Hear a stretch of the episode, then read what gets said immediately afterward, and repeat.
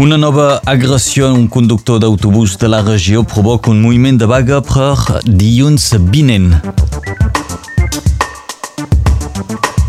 Avui és Jornada Mundial dels Refugiats. Farem un punt sobre la situació dels refugiats aquí a Catalunya Nord. I parlarem de salut amb l'Hospital de Perpinyà que estrena un nou equipament per millorar la detecció del càncer o encara d'Alzheimer.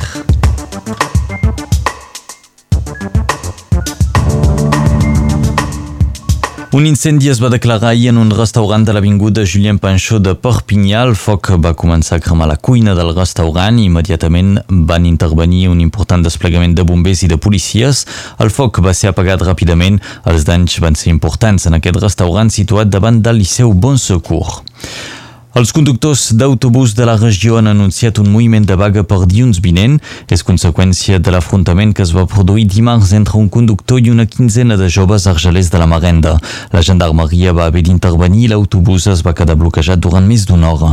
Els sindicats denuncien que les agressions es van multiplicant a mesura que apropa la temporada d'estiu, reclamen millorar les mesures de seguretat i particularment demanen també un augment dels controladors. Per això dilluns els conductors dels autobusos de la regió deixaran de treballar durant una hora a primera hora del.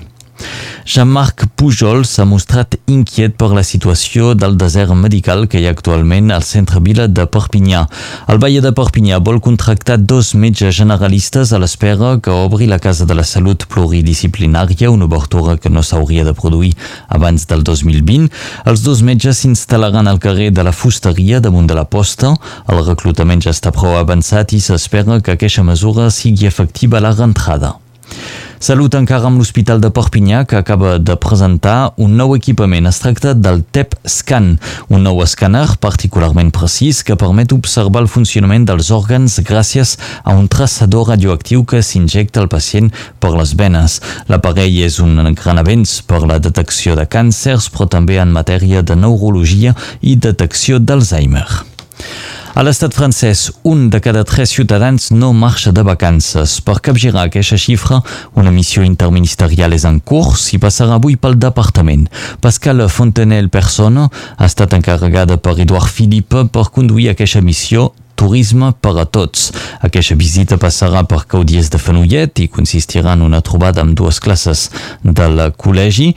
També passarà per l'Hotel Mercuri de Perpinyà. Es farà una trobada aquesta tarda amb diferents actors del turisme del departament. Avui és la Jornada Mundial dels Refugiats que té per objectiu sensibilitzar sobre la situació que viuen els refugiats al món. Ahir es va fer públic l'informe de l'alt comissionat de l'ONU pels refugiats, un document que destaca que a finals d'any 2018 es comptabilitzaven 70 1,8 milions de desplaçats al món a causa de guerres o de persecucions. Un trist rècord que és fruit dels nous conflictes que se sumen als que ja fa anys que duren. Des de l'ONU han demanat als països europeus que trobin una solució efectiva al sistema de repartiment de migrants. I a motiu d'aquesta jornada mundial dels refugiats, el prefecte Philippe Chopin va visitar ahir un centre d'acollida de Perpinyà.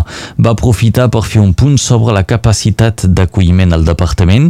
Els centres han arribat a llur màxima capacitat, per això la prefectura ha desbloquejat de cara a l'octubre unes 59 places d'acollides. Actualment el departament acull 1.100 demandants d'asil. La defensa de Roger Espanyol, aquest home que va perdre un ull durant les càrregues de l'1 d'octubre, ha comunicat que han identificat el policia espanyol que va ferir l'activista. L'entitat també ha explicat que ha notificat al jutjat d'instrucció número 7 de Barcelona la identitat d'aquest agent.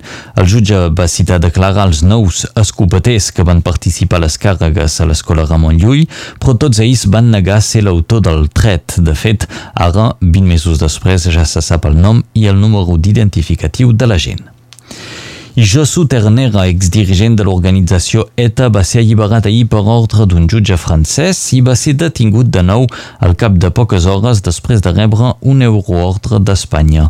Ara doncs haurà de compareixer de nou davant la sala d'instrucció del Tribunal d'Apel·lació de París, que haurà de decidir una altra vegada si torna a la presó o surt en llibertat. Nicolas Sarkozy serà jutjat pels delictes de corrupció i tràfic d'influències després que el Tribunal de Cassació ha rebutjat tots els recursos presentats per l'expresident francès. Es tracta de l'afer de les escoltes que remunta l'any 2014 i que va demostrar com Sarkozy i el seu advocat van intentar obtenir informacions sobre una instància judicial en curs.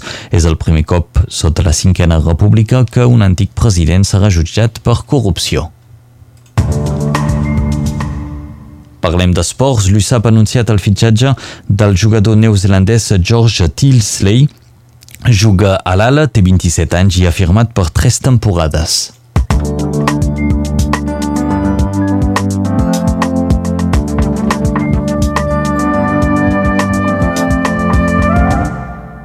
Passem a la previsió del temps amb la Laura Bertran.